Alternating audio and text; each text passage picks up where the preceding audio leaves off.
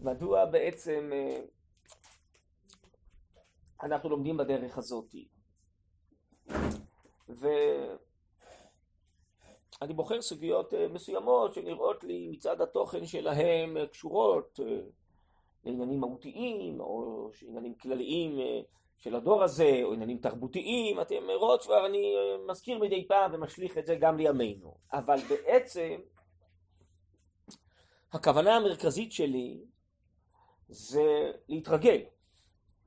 להתרגל אה, ביחס הנכון, אה, מה שאנחנו מסוגלים. אה, שוב, זה בסוף לא יהיה היחס הנכון, כי אנחנו לא מסוגלים לשער מה זה נבואה, מה זה אישים אלוקים שהייתה להם נבואה, ומה זה תקופות שהייתה נבואה בישראל, וכל האישים העצומים האלה שמופיעים בתנ"ך, שאול המלך, מה, מה, מה זה, מה, מי זה שאול, מה, מה זה שאול. אנחנו בסוף נתפוס את הכל לפי היכולות האנושיות המצומצמות שלנו, אבל לפחות לנסות להבין שהתנועה צריכה להיות כלפי הגודל, לחשוף את המעמקים, את המרחבים, את המגמות, את אה, כל האידיאלים והרוחניות הגדולה שריחפה באותה תקופה שבה הם היו טבולים ומתוכה הם פעלו. אחרת אם אתה לא מבין את הרקע הזה האמיתי, אז אתה, נדמה לך שאתה קורא בפשט ואתה מעתיק את הכל בדיוק לימיך או לעצמך, נדמה לך שאתה ריאלי. אתה לא ריאלי, אתה לא אובייקטיבי, זה לא מדעי. מדע, הכוונה היא תבדוק את העובדות, תבדוק את הנתונים, נכון? אל תרחף רק בעולם של דמיונות. אבל אם אתה לא מבין שהתקופות האלה, הלכי הרוח, רוממות הנפש, העוצמות הרוחניות היו אחרות, אז אתה לא מדעי. אתה לא באמת לומד את אותה תקופה כפי שהיא. אתה חושב שהם בדיוק אותם אישים היו כמוך. ומה שהיה במחשבות שלהם ובנפש שלהם זה רק מה שיש אצלך.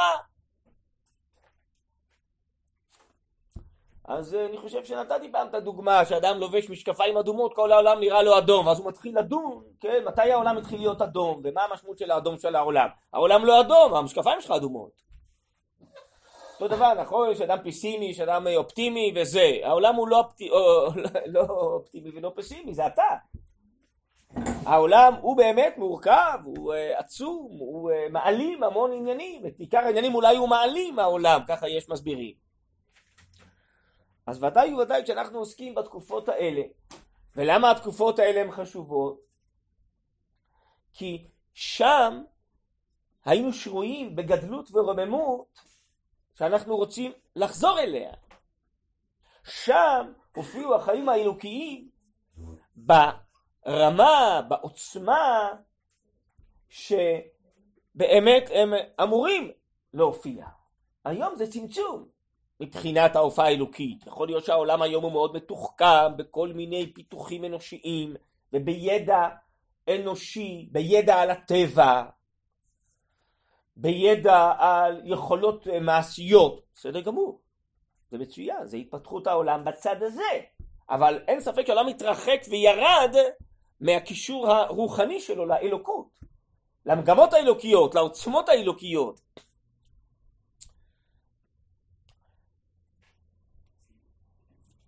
אז אם אתה רוצה ללמוד באופן מדעי את אותן תקופות, אתה חייב להבין באמת, מה היה שם באותה תקופה? אתה נדמה לך שלא היה, הם היו בדיוק כמוך. טכנית רק היה להם שם דיבר איתם. זה לא עניין טכני שהשם דיבר, זה איזה מדרגות רוחניות של התקופה, מדרגות רוחניות של אנשים שהם ראויים שהשם מדבר איתם, זה לא ככה. וגם אם לא דיבר איתם, אבל יש נביאים באותה תקופה, והנביאים מנחים אותם, וזו רוממות עצומה שהייתה באותה תקופה.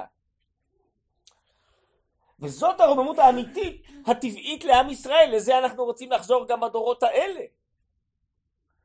אחרת באמת אנחנו אנשים אנושיים, כמו שאר העמים, ואולי העולם הוא עולם טבעי אנושי, בדיוק כפי שאומרת הכפירה. כל המדע של היום בנוי על תפיסות יווניות הלניסטיות, שבאמת אין אלוקות ואין נבואה, זה בנוי על הפילוסופיה היוונית, שהכחישה את הנבואה ואת האלוקות. ואמרה העולם זה עולם קדמון שהשתלשל באופן מקרי, יש רק חושים, יש רק טבע אנושי, רק מה שהחושים והשכל האנושי קולט. כל הנבואה היא כפירה בכפירה. כל הנבואה היא אומרת בעצם שיש משהו אחר. יש זרמים אלוקיים, יש מציאות אלוקית, יש תורה מן השמיים, יש אמונה, יש קדושה, יש דבר השם. במדינת ישראל עוד לא קלטו את זה. עוד לא קלטו את זה. אתמול הייתה פתיחה של הכנסת, נסעתי ברכב, אז שמעתי חלק מזה. באמת, דבר מרשים, וקראו פרקי תהילים מהתנ"ך, ודיברו על חזון הנביאים, השמיעו את בן גוריון, שדיבר על חזון הנביאים. רק שעוד לא כולם קולטים את זה, שיש פה איזה עימות בין התרבות של היום, המדע של היום, שהוא בעצם בנוי על הכחשת כל הנבואה וכל הנביאים. הוא אומר יש רק מדע, רק חושים, רק יכולות מעשיות של שתי הידיים שלנו, אין סייעתא דשמיא, אין נצח ישראל, אין אלוקיות, אין סגולת ישראל, אין קדושה, אין נבואה. אז מה אתה מקריא פסוקים מהתנ"ך ואתה מדבר על חזון הנביאים? יש פה איזה בעיה, עוד לא כולם מבינים שמעל כל התרבות של היום, הנשמה זה הנבואה, זה הנביאים, זה האלוקיות. אנחנו לא נגד התרבות של היום, נגד uh, כל גילויי המדע והטבע, זה מצוין, רק זה הגוף, זה ידיעת הגוף, מה עם ידיעת הנשמה? אבל אני אומר, במדינת ישראל, ב, כן, גם חלק גדול מאנשי התרבות, הם לא מבינים את העימות שיש פה, כי התרבות של היום היא צמחה מהפילוסופיה שמכחישה את כל זה. אז אנחנו עם ישראל לוקחים את החול ובונים על גביו קומה נוספת של הקודש, קומת הנשמה, אבל אם אתה לא מבין את זה, אז אתה משוכנע שמה שהמדע אומר זה מה שיש ואין בלתו.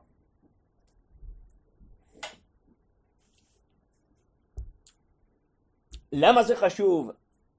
בעיקר בלימודי הקודש ובאופן ספציפי בלימודי הנבואה משום שגם את הלימוד של הנבואה בסוף אתה יכול להוריד לעיניים אנושיות שלך כמו שיש שמנסים להגיד שבסך הכל הנבואה זה מה שנקרא אצלהם מוסר הנביאים מוסר אוניברסלי ככה היה דורש עדיין דורש השופט בדימוס או השופט העליון ברק שעשה את כל המהפכה המשפטית והחוקתית הנבואה זה מוסר הנביאים זה מוסר אוניברסלי זה גם אנושי רק הנביאים דיברו על המוסר האנושי.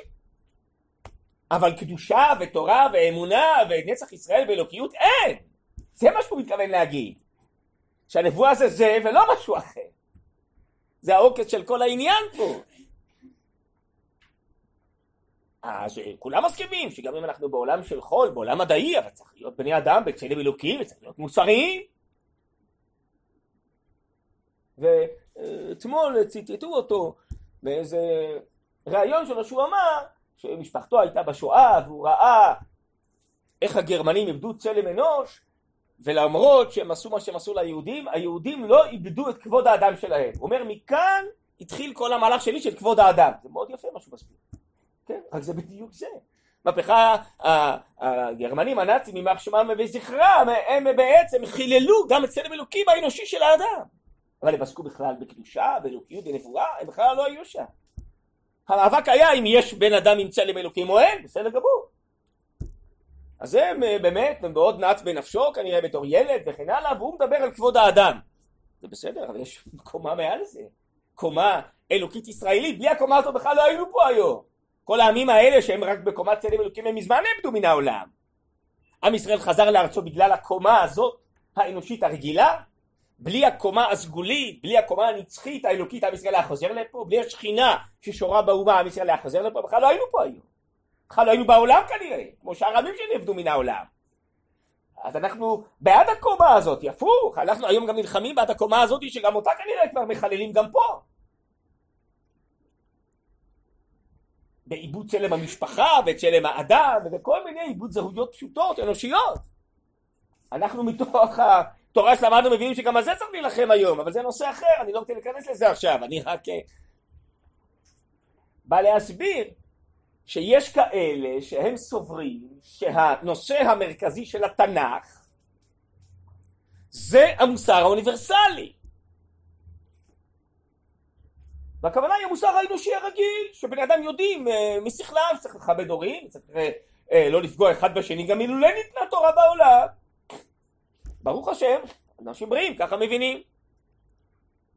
אז מי שלימד נבואה ככה, הוא פושט, א', הוא לא מדעי, הוא לא באמת מבין מה היה באותה תקופה. וחוץ מזה הוא באמת שייך למהלך של הכפירה שלא רוצה תורה ולא רוצה משהו אלוקי מן השמיים, הוא רוצה רק משהו אנושי. אז יופי, אז יש לה נבואה, נביאים, תנ"ך, זה, שזה קרדיט בעולם האנושי, תנ"ך זה נחשב ספר חשוב, כן? אז הוא משתמש בתנ"ך כדי לחזק את המוסר האנושי שלו שהוא יודע גם בלי התנ"ך. אבל הוא לא מתכוון ליותר מזה, הוא לא מתכוון שהתנ"ך זה משהו אלוקי, משהו נצחי, משהו מחייב, משהו ששייך לאמונה וקדושה. עכשיו לא נעים לי להגיד לכם, אבל כבר uh, דיברתי על זה בשלבים מסוימים. תוכנית התנ"ך היום של uh, החמ"ד, של החינוך הממלכתי דתי, הוא בנוי על התפיסה הזאתי שמגמת התנ"ך זה המוסר האוניברסלי הכללי כי התוכנית הזאת שהיום כולם עסוקים בה כולל בישיבות תיכוניות ואולפנות השתיתה אותה מפקחת שנכנסה שהיום היא אה, בתפקיד בכיר במשרד החינוך הכללי והיא כתבה במצע שלה של התוכנית שהנושא של התנ"ך זה המוסר האנושי האוניברסלי מידות טובות ונעלות והיא הפכה לגמרי את מה שהיה במצע של התוכנית שקדמה לה שהייתה 17 שנה ששם הנושא היה אלוקיות ומצוות והלכה ובית מקדש וקורבנות היא ביטלה את כל זה. צריך לדעת את זה. ובמיוחד אני אומר לכם את זה שאתם בעזרת השם תהיו מורות וגם אולי תלמדו תנ"ך. אז התשתית של התוכנית הזאת למרות שבתוך התוכנית יהיה גם כן ילמדו פסוקים וילמדו מפרשים אבל אני אומר לכם מה המגמה של התוכנית הזאת מה היא רוצה לחזק והיא אמרה את זה באין ספור פעמים וזה גם לכם מופיע באין סוף אה, תוכניות לימוד. היא אומרת אל תעשו מהדמויות של התנ"ך קדושות מדי אלוקיות מדי. לא צריך להציג אותם כאנושיות כמונו ואז נוכל ללמוד מהם. יש לה גם אידיאולוגיה חינוכית. היא חושבת שבזה שמציגים את הדמויות קרובות לנו אז אפשר ללמוד אם הן קדושות ונאצלות אי אפשר ללמוד מהן זה בדיוק הפוך אני חושב גם זה טעות חינוכית. לא רק שזה טעות מדעית שאתה מטעה מדעית שזה לא נכון שזה לא היה מה שהיה באותה תקופה. זה גם חינוכית כי אין לך למה לשאוף בכלל. הם היו כמוך וגם חטאו כמוך ועשו כמוך אז מה הם לא יותר טוב ממני מה יש לי ללמוד מהם שהם ילמדו ממני? אם זה משהו נשגב שאולי אני אצליח פעם לטפס על זה יש לי מה ללמוד מהם אם לא אז לא מה יש לי ללמוד מהם? אני פשוט יותר נהנה ופחות מתאמץ ויותר קל. וזה החטא השלישי לפי הבנתי של כל התוכנית הזאת. ואני יודע מבנותיי שהיום גם באולפנות לא יודע מה היה אצלכם המורה מוציאה דף פלט מחשב מהחומר שיש באתר ללמוד ולמד של משרד החינוך. יש לה גם שאלות וגם תשובות. הבנות יש להן פלט מחשב של השאלות והיא לומדת איתה בכלל בלי הספרים. כבר לא פותחים ספרים בכלל. אצל הבנות שלי באולפנות שלהם לא פותחים ספרים. לא לומדים לא פסוקים ולא מפרשים. וגם לא יודעים איך ללמוד איתם ואיך להתמודד איתם העיקר לדעת את החומר בסוף יש בחינה צריך לקבל ציון טוב וזה כל הנושא של מצוינות בתנ"ך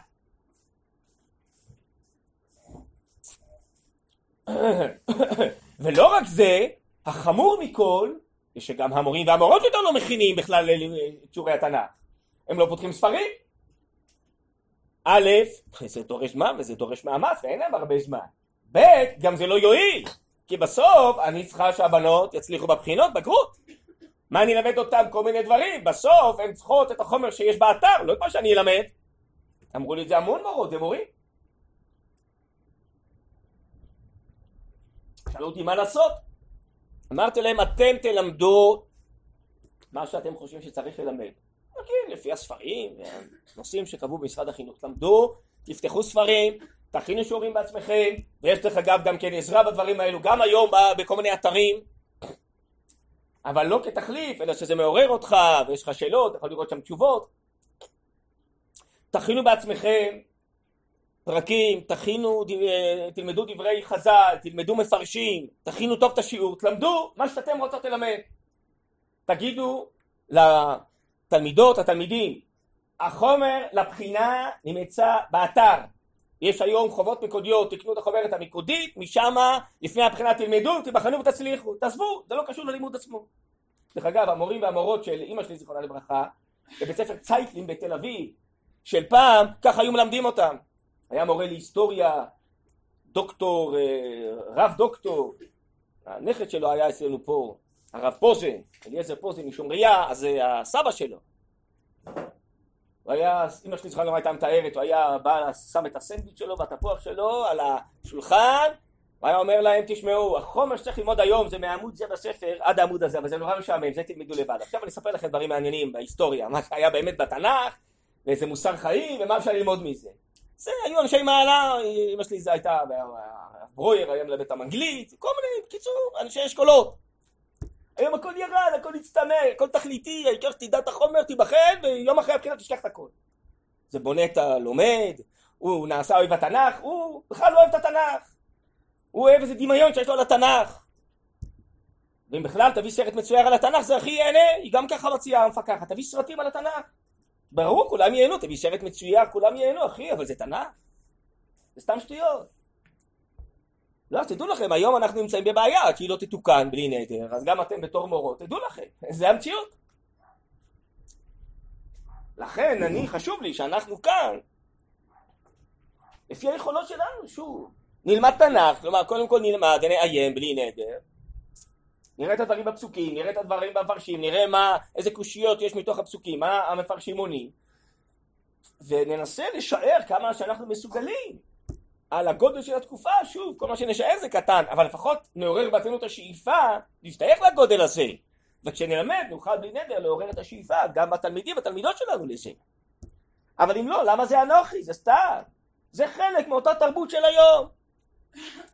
שבעצם יסודותיה זה בכפירה, זה בכלל לא באמונה, הרב קוק היה נלחם נגד ביקורת המקרא, דברים קשים מאוד, הוא כותב נגד הגימנסיה העברית הראשונה בארץ ישראל, שלא יודע תנ"ך מתוך ביקורת המקרא. בסדר, אז זה לא ביקורת המקרא, גם את זה היא רצתה להכניס. אז את זה הצלחנו לעצור אותה, לא. זה מה שנקרא היום תנ"ך בגובה העיניים. רק תעשה את הדמויות האנושיות. בסדר, זה ביקורת המקרא במינון נמוך. כי בסוף אני הבוחן, יש שם הרבה ביקורת גם בתוכנית הזאת שלכם היום על חז"ל, על ה... יש ביקורת שם על האבות, על כל מיני אישים בתנ"ך, על יונה, בקיצור, לא משנה, לא ניכנס עכשיו בכל מה שיש בתוכנית של היום. אבל מצד המגמה הפנימית זה הפוך, הפוך לגמרי. ואני מכיר גם את האישה הזאת, היא באמת, אה, המגמות שלה היום הן אחרות, בכלל, זה לא המגמות אה, של מה שהיה זה שלפניה, שכולם יהיו יראי שמיים וידקדקו בכל המצוות ויתעלו תלות רוחנית, שזה היה הרב גוילמן שהיה 17 שנה, היה המפמ"ר לתנ"ך. יש לה מגמות אחרות של להשתלב בעולם המודרני ופמיניזם ושבנות ילכו לצבא וזה אג'נדה שלמה שיש לה זה חלק זה אותו דבר נו. זה לצערי היום הכל הולך ביחד. זה לא חייב להיות ביחד אבל היום זה הולך ביחד. מי שיש את הכיוון הזה אז לא הנושא שלו המרכזי זה קדושה ויראת שמיים ולהעלות את כל הציבור לשם. לא הפוך זה להשתלב במדינה להשתלב בערכי התרבות העכשוויים להשתלב בתרבות החילונית. לצערי ככה זה עובד. אז אני לא התפלאתי שתוכנית כזאת יצאה מתחת ידיה. אבל אתן חייבות להיות מודעות לזה. גם אם לא בידינו ברגע זה, ודאי לא ביד מישהי שהיא מורה וכן הלאה, לפתור את זה ולשנות את כל התוכניות, אבל אתן צריכות להיות לפחות מודעות לזה. ואז שאלו אותי, מורות, אז לא ללמד תנ"ך? אמרתי להם, בטח ללמד תנ"ך.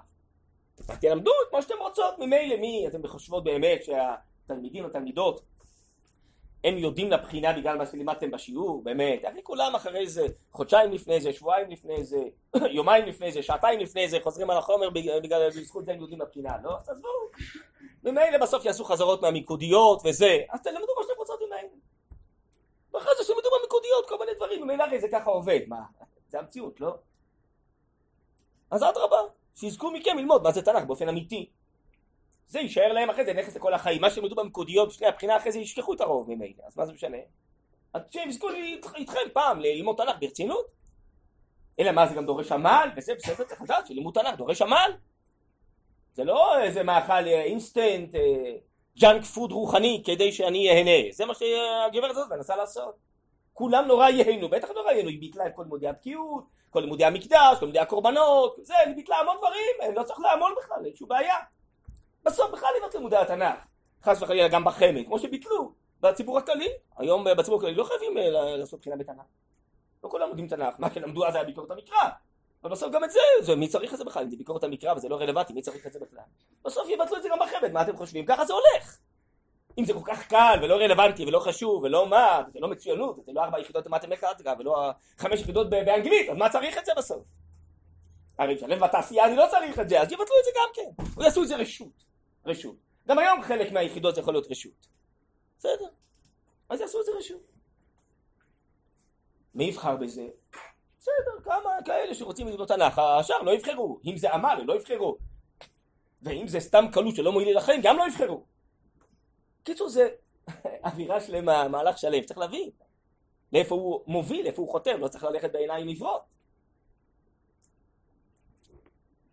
אבל זה לא יעזור, את נצח ישראל ואת התנ"ך ואת קדושתו ואת אמיתותיו לא ישנה. זה השאלה, מי יזכה ללמוד את זה? מי יזכה לדעת את זה כמורה, כמורה, או כתלמיד ותלמידה, זו השאלה. וזה יחזור בסוף, כי עם ישראל, אתם רואים, התורה לא משתנית, וכל מה שמנסים לעשות לנו בסוף התורה רק מתגברת. רק חבל כל מיני אנשים טובים שנפגעים באמצע, זה לא שיש לנו חשש שבסוף התנ"ך האמיתי יאבד לנו. הוא ודאי לא יאבד, הוא נצחי, ואחד נמצא בשמיים, יותר חזק מכל הדמיונות האחרים. רק חבל, דורות של בנים ובנות, שגם כמורים ומורות, וגם כתלמידים ותלמידות, הם בכלל לא זוכים להיפגש עם התנ"ך האמיתי. חבל. חבל, התנ"ך יחזור, זה לא... טוב, אז אחרי כל דברי האמת והשלום הללו, עכשיו אפשר... אה, אז אני רציתי בשמואל א', פרק י"ג, קודם כל לקרוא עיקר הסוגיה שנראה בלי הבא בהמשך זה פרק י"ד. אבל אז אם אפשר, מי שאין לה שתיקח איזה תנ"ך אה, שלם, היום אה, זה רק ככה הקדמה.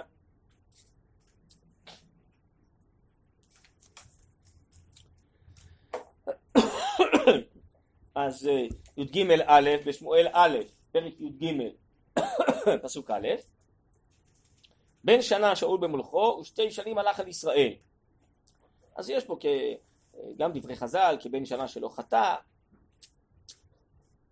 כל ומדובר פה על תחילת מלכות שאול. ויבחר לו שאול שלושת אלפים ישראל, והיו עם שאול אלפיים במחמס ובהר בית אל, ואלף היו עם יונתן בגבעת בנימין, ויתר העם שילח איש לאוהליו. זה יהיה לנו חשוב להמשך, שאלפיים איש היו עם שאול, ואלף איש היו עם יונתן בגבעת בנימין. אה,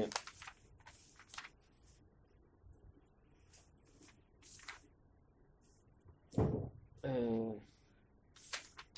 ויח יונתן את נציב פלישתים אשר בגבע וישמעו פלישתים ושאול תקע בשופר בכל הארץ לאמור ישמעו העברים. טוב אז יש פה איזה משהו שצריך בלי נדר יהיה להבין אותו. מה זה ויח יונתן? זה היה בתיאום עם שאול. למה הוא עשה את זה אה, ומה זה? שאול תקע בשופר בעקבות הדבר הזה? טוב, הלאה, פסוק ד' וכל ישראל שמעו לאמור היכה שאול את נציב פלישתי וגם נבאש ישראל בפלישתים ויצעקו העם אחרי שאול הגלגל. כלומר קוראים להם למלחמה ולמה? בגלל שהפלישתים כועסים עכשיו על עם ישראל, מי ששלט באותה תקופה זה היו הפלישתים,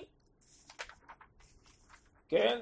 שלט כאן בארץ ישראל, בעצם שלט על עם ישראל, תכף נראה את זה עוד יותר אה, בפסוקים הבאים. ופלישתים נאספו להילחם עם ישראל שלושים אלף רכב וששת אלפים פרשים ועם כחול אשר על שפת הים לרוב ויעלו ויחנו במכמס קדמת בית אבל ואיש ישראל ראו כי צר לו, כי ניגס העם. ניגס, הכוונה, אני חושב, ניגף, אה, אם אני לא טועה, כלומר עלול להינגף בפני אה, פלישתים. ויתחבאו העם במערות ובחפכים ובסלעים ובצריחים ובבורות, כלומר הפסוקים מתארים את הפחד של עם ישראל, ואיך כולם בורחים ומתחבאים. ועברים עברו את הירדן ארץ גד וגלעד ושאול עודנו בגלגל וכל העם חרדו אחריו. הרי תיארנו קודם שאלפיים איש נמצאים עם שאול בגלגל, וכנראה שמתחילה תנועה מהשבטים אליו כדי לעזור לו במלחמה. ויוכל שבעת ימים למועד אשר שמואל, אשר, ולא בא שמואל הגלגל, והאפץ העם מעליו. ויאמר שאול הגישו אליי העולה והשלמים והיה על העולה, הייתי חלותו לעלות העולה והנה שמואל בא ויצא שאול לקראתו לברכו. אז גם העניין הזה שהוא פה מעלה עולה, גם כן בלי נדע צריך להבין את זה. ומה זה שכתוב אה, הגישו אליי העולה והשלמים, יש פה על זה גם דברי חז"ל, מה היה פה בדיוק, ומפרשים, יש פה עניין שנחבא פה בין הפסוקים, בלי נדר נלמד את זה. טוב, ויאמר שמואל, מה עשית? ויאמר שאול, כי ראיתי כי נפץ העם מעליי, אתה לא באת למועד הימים, ופלישתים נאספים במכמס. פלישתים נאספים במכמס, כלומר, למה עשית משהו? העלית את העולה, הוא מתנצל, פה זה מצב עכשיו אה, מסוכן, ואני הייתי צריך לעשות משהו. ואומר עתה ירדו פלישתים אליי גלגל ופני השם לא חיליתי ויתאפק ועליה עולה. טוב. אה, ויאמר שמואל אל שאול נסכלת לא שמרת את מצוות השם אלוקיך אשר ציווך כי אתה הכין השם את ממלכתך אל ישראל עד עולם ואתה ממלכתך לא תקום. ביקש השם לו איש כלבבו ויצווהו השם מנגיד על עמו כי לא שמרת את אשר ציווך השם. ויקום שמואל ויעל מן הגלגל גבעת בנימין ויפקוד שאול את העם הנמצאים עמו כשש מאות איש. אז הוא קיבל תוכחה משמואל ועכשיו הוא מתחיל לערוך את העם סליחה? כי הוא לא חיכה לו טוב, בלי נדר, אה, את צודקת, אה, בלי נדר אה, ננסה להבין מדוע היה צריך לחכות לו, את צודקת, זו שאלה טובה שגם כן היא לא בהירה פה מתוך הפשט. אה, אז עכשיו הוא מתחיל להתכונן למלחמה עם פלישתים, עוד פעם פסוק ט"ו. ויקום שמואל וילה מן הגלגל גבעת בנימין ויבכות שאול את העם הנמצאים בבוא כשש מאות איש. ושאול ונתן בנו והעם הנמצא עמם יושבים בגבע בנימין פלישתים חלו במכמס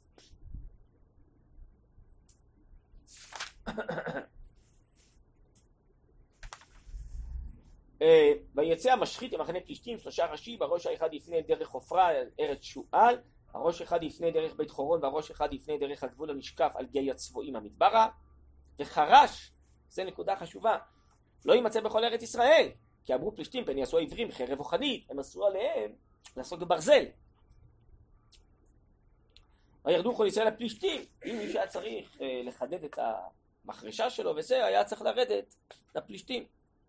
ירדו כל הפלישתים ללטוש איש את מחרשתו ואת עטו ואת קרדומו ואת מחרשתו. הייתה פצירה פים למחרשות ולעיתים ולשלוש קלשון ולקרדומים ולהציב הדורבן. והיה ביום מלחמת ולא נמצא חרב וחנית ביד כל העם אשר את שאול ואת יונתן, ותימצא לשאול ויונתן בנו, רק להם הייתה חרב. ויצא מצב פלישתים במעבר מכמס. טוב, אז זו הקדמה מאוד חשובה, בלי נדר יש כמה דברים שנתעכב בה, לא בכל הדברים, אבל בלי נדר נראה משהו מזה.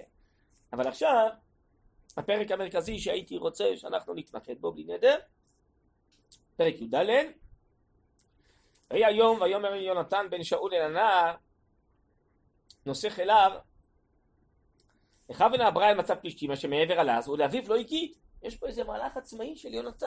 הוא אומר לנער ולאביו לא הגיד אומר הפסוק ושאול יושב בקצה הגבעה תחת הרימון אשר במגרון והעם אשר עמו כשש מאות איש ואחיה בן אחיטוב אחי כבוד בן פנחס בן אלי הכהן השם בשבילו נושא אפוד והעם לא ידע כי הלך יונתן תכף נראה גם למה מתארים את זה שיש שם כהן נושא אפוד. ובין המעברות אשר ביקש שנתן לעבור על מצב פלישים שנעשה להם העבר מזה ושנעשה להם העבר מזה ושם האחד בוצץ ושם האחד סנה. שם איזה שני סלעים ענקיים שמפרידים בין מחנה ישראל, בין יונתן והנער שלו לבין מחנה פלישתים שקשה מאוד לעבור אותם. שן האחד בצוק מצפון מול מכמס והאחד מנגב מול גבה. ויאמר יונתן אל הנער נושא כליו לך ונעברה אל מצב הערלים האלה.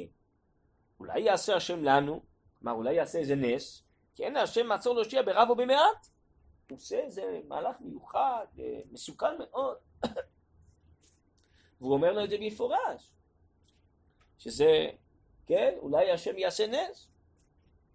אפשר להושיע אה, בעזרת, ה, אה, בעזרה אלוקית גם במעט.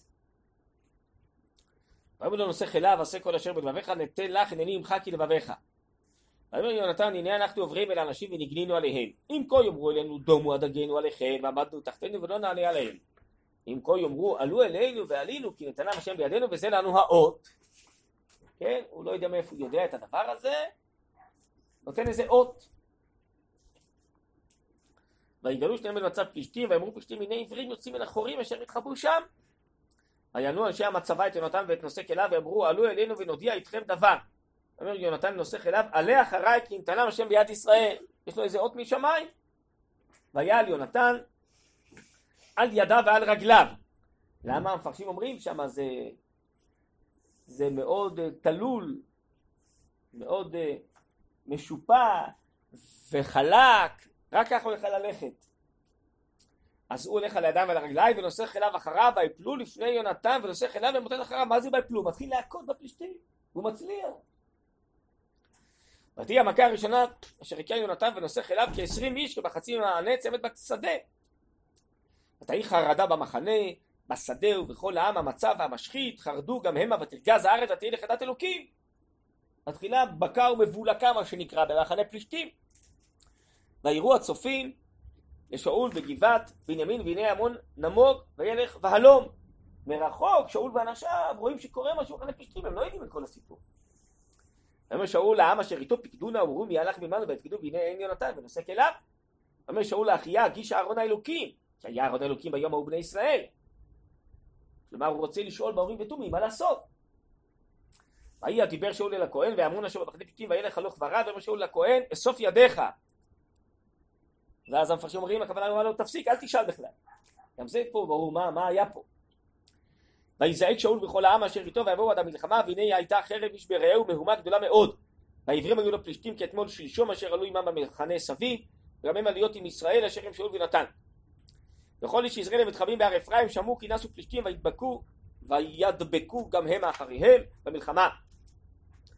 ויושע השם ביום ההוא את ישראל במלחמה עברה את בית אבן ואיש ישראל ניגש ביום ההוא ויואל אה, אה, ניגס ביום ההוא ויואל שאול את העם לאמור ארור האיש אשר יאכל לחם עד הערב ונקמתי מאויביו ולא טעם כל העם לחם. זה גם שאלה למה הוא פה השביע את העם וכל הארץ באו ביער ויהי דבש על פני השדה ויבוא העם אל היער והנה הלך דבש ואין נשיג ידו אל פיו כי ירא העם את השבועה. ואותם לא שמע בהשביע אביו את העם וישלח את קצה המטה אשר בידו ויטבול אותה ביערת הדבש והיה אשר ידו אל פיו ותאורנה עיניו. והיה נשמע ויאמר השביע השביע אביך את העם לאמור ארור האיש אשר יאכל לחם היום ויעף העם. אומר יונתן אחר אבי את הארץ וראו נא כי אורו עינה כי טעמתי מהדבש הזה. אף כאילו החול אכל היום העם משלל אויביו אשר מצא סליחה אשר מצא כי אתה לא רבת המכה בפלישתים ויכו ביום ההוא בפלישתים ממכמס איילונה ויעף העם מאוד. ויעט העם אל שלל ויקחו תון בקר ובני בקר וישחטו ארצה ויאכל העם על הדם ויגידו לשאול לאמור הנה העם חוטאים להשם לאכול על הדם. ויאמר בגדתם גולו אולי אבן היום אבן גדולה. ויאמר שאול פצו בעם ואמרתם להם הגישו אליי איש שורו ואיש שעיר ושחטאתם בצבחתם ולא תחטאו להשם לאכול אל הדם. ויגישו כל העם איש שורו, אה, שורו בידו הלילה וישחטו שם. ויבן שאול מזבח להשם אותו החל לבנות מזבח להשם ויאמר שאול נרדה אחרי פלישתים לילה ונפוזה בהם עד אור הבוקר ולא נשר בהם איש ויאמרו כל אותו בעיניך עשה ואמר הכהן נקרבה הלא ולאלוקים וישאל שאול באלוקים הירד אחרי פלישתים תקנה ביד ישראל ולא ענהו ביום ההוא? ויאמר שאול גושו אלום כל בנות העם ודורו במה הייתה החטאת הזאת היום? למה לא עונים לי באורים ותומים? כי חי השם את ישראל כי אם ישנו ביונתן בני כי מות ימות ואין עיניהו מכל העם. העם ידע שהוא אכל יערת הדבש. ויאמר אל כל ישראל אתם תהיו לעבר אחד ואני ויונתן בני נהיה לעבר אחד. ואמרו העם אל שאול אותו בעיניך עשה אומר שאול אל השם אלוקי ישראל אהבת עמים וילכד יונתן ושאול והעם יצאו. ואומר שאול אפילו ביני ויונתן וילכד יונתן אומר שאול ליונתן אגידה לי מה עשית ויגיד יונתן ואומר תרום טעמתי בקצה אשר ביני מעט דבש הנני ימות ויאמר שאול כה יעשה אלוקים וכה יוסיף כי מות תמות יונתן אומר רב לשאול יונתן ימות אשר עשה הישועה הגדולה הזאת בישראל? חלילה אחרי השם אם יפול משערת ראשו ארצה כי אם אלוקים עשה היום הזה ויפדו העם את יונתן ולא מת היה שאול מאחרי פלישתים ופלישתים הלכו למקומה וכולי וכולי זה כל השבועה הזאת למה הוא השביע ומה זה העניין הזה שיונתן אכל, ושהוא היה צריך לקבל מיטה בגלל זה, ואיך העם פדה אותו. בקיצור, יש פה כל מיני עניינים. שקשה מאוד להבין, אני חושב, בלי חז"ל ובלי המפרשים, מה בעצם היה שם, מה כל הרעיון בכלל של יונה ללכת לבד, להסתכן, ומה כל העניין הזה של השבועה והפדיעה, בקיצור, יש פה איזה מהלך, שאני חושב שהם נכנסים פנימה, אז אפשר להבין דברים מאוד מיוחדים ומאוד משמעותיים, וגם אני חושב רלוונטיים לדורנו, אז בלי נדר בסוגיה הזאת נעצור. טוב, נעצור היום פה.